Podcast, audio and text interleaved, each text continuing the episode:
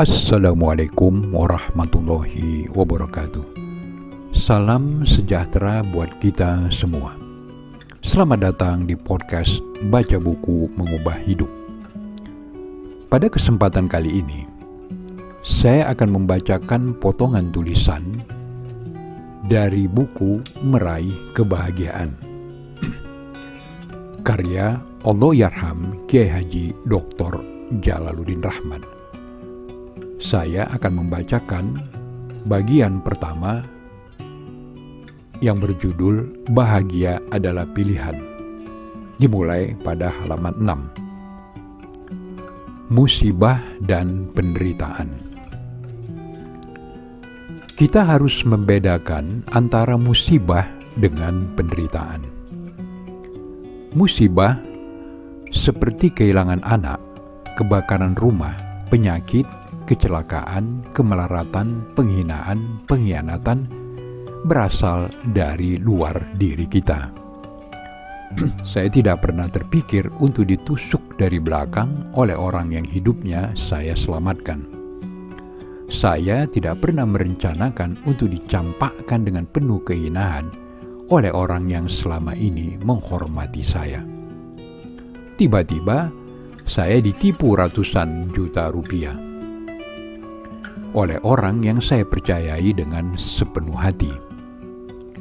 Penderitaan pada gilirannya adalah perasaan pedih dalam jiwa kita. Boleh jadi karena musibah atau bukan musibah. Musibah, kata para filosof, adalah realitas objektif. Penderitaan adalah realitas subjektif. Musibah adalah dunia di luar diri kita penderitaan adalah pictures in our head. Karena penderitaan bersifat subjektif, musibah tidak selalu menimbulkan penderitaan. Kehilangan kaki jelas musibah yang lebih besar dari kehilangan sandal. Tetapi bisa jadi orang yang kehilangan kakinya tidak mengalami penderitaan seperti orang yang kehilangan sandal. Sa'di, sufi dari penyair Persia memperoleh pelajaran yang berharga dari seorang yang kedua kakinya buntung. Ia berkata, Aku tidak pernah mengeluh karena kemalangan. Aku tidak pernah menderita karena terlempar dari pusingan langit. Kecuali suatu ketika, kakiku telanjang dan aku tidak punya uang untuk membeli sepatu. Aku datang ke Masjid Jami Kufah dalam keadaan yang sangat sedih di situ, aku melihat orang yang tidak punya kaki. Aku sampaikan rasa syukurku kepada Allah dan mengakui segala kasih sayangnya. Aku tahan keinginanku untuk punya sepatu dengan sabar. Aku gumamkan puisi ini. Bagi si kenyang, ayam bakar tak lebih enak terasa ketimbang dedaunan seledri di atas meja. Pada pandangan si miskin yang tak kuasa, daun lobak dan ayam bakar sama saja. Sa'di merasakan kepedihan dalam hatinya karena kehilangan sepatunya. Ia menderita. Kepedihannya segera hilang ketika di Masjid Kufah ia menyaksikan orang yang sudah kehilangan kedua kakinya dan tidak menderita. Sa'di masih tidak punya sepatu, musibahnya masih ada tetapi kini ia merebahkan diri sujud kepada Tuhan dengan penuh rasa syukur. Apa yang berubah pada Sya'ni? Yang berubah adalah perasaannya pada musibah yang dialaminya. Sekali lagi, saya ingin menegaskan bahwa musibah objektif tetapi penderitaan subjektif. Musibah datang di luar kendali kita. Penderitaan terletak pada pilihan kita. Syekhul Hadis Muhammad Jakaria meriwayatkan kisah di bawah ini dalam kitab Faza Fadail Al-Haz. Azrat Abu Hasan Sirots berkata, Ketika aku sedang melakukan tawaf haji, aku melihat seorang perempuan yang sangat cantik, bercahaya dalam kecantikannya.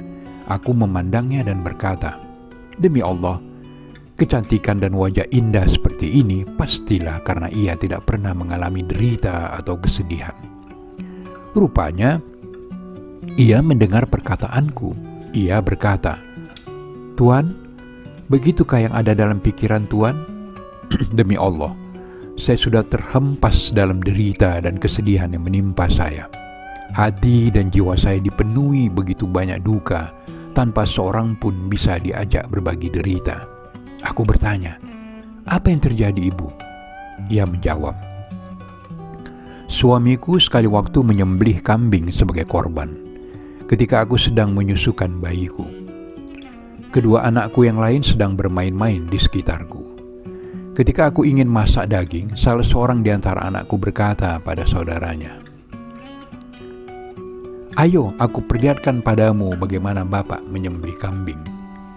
Saudaranya berkata, Ayo, tunjukkan.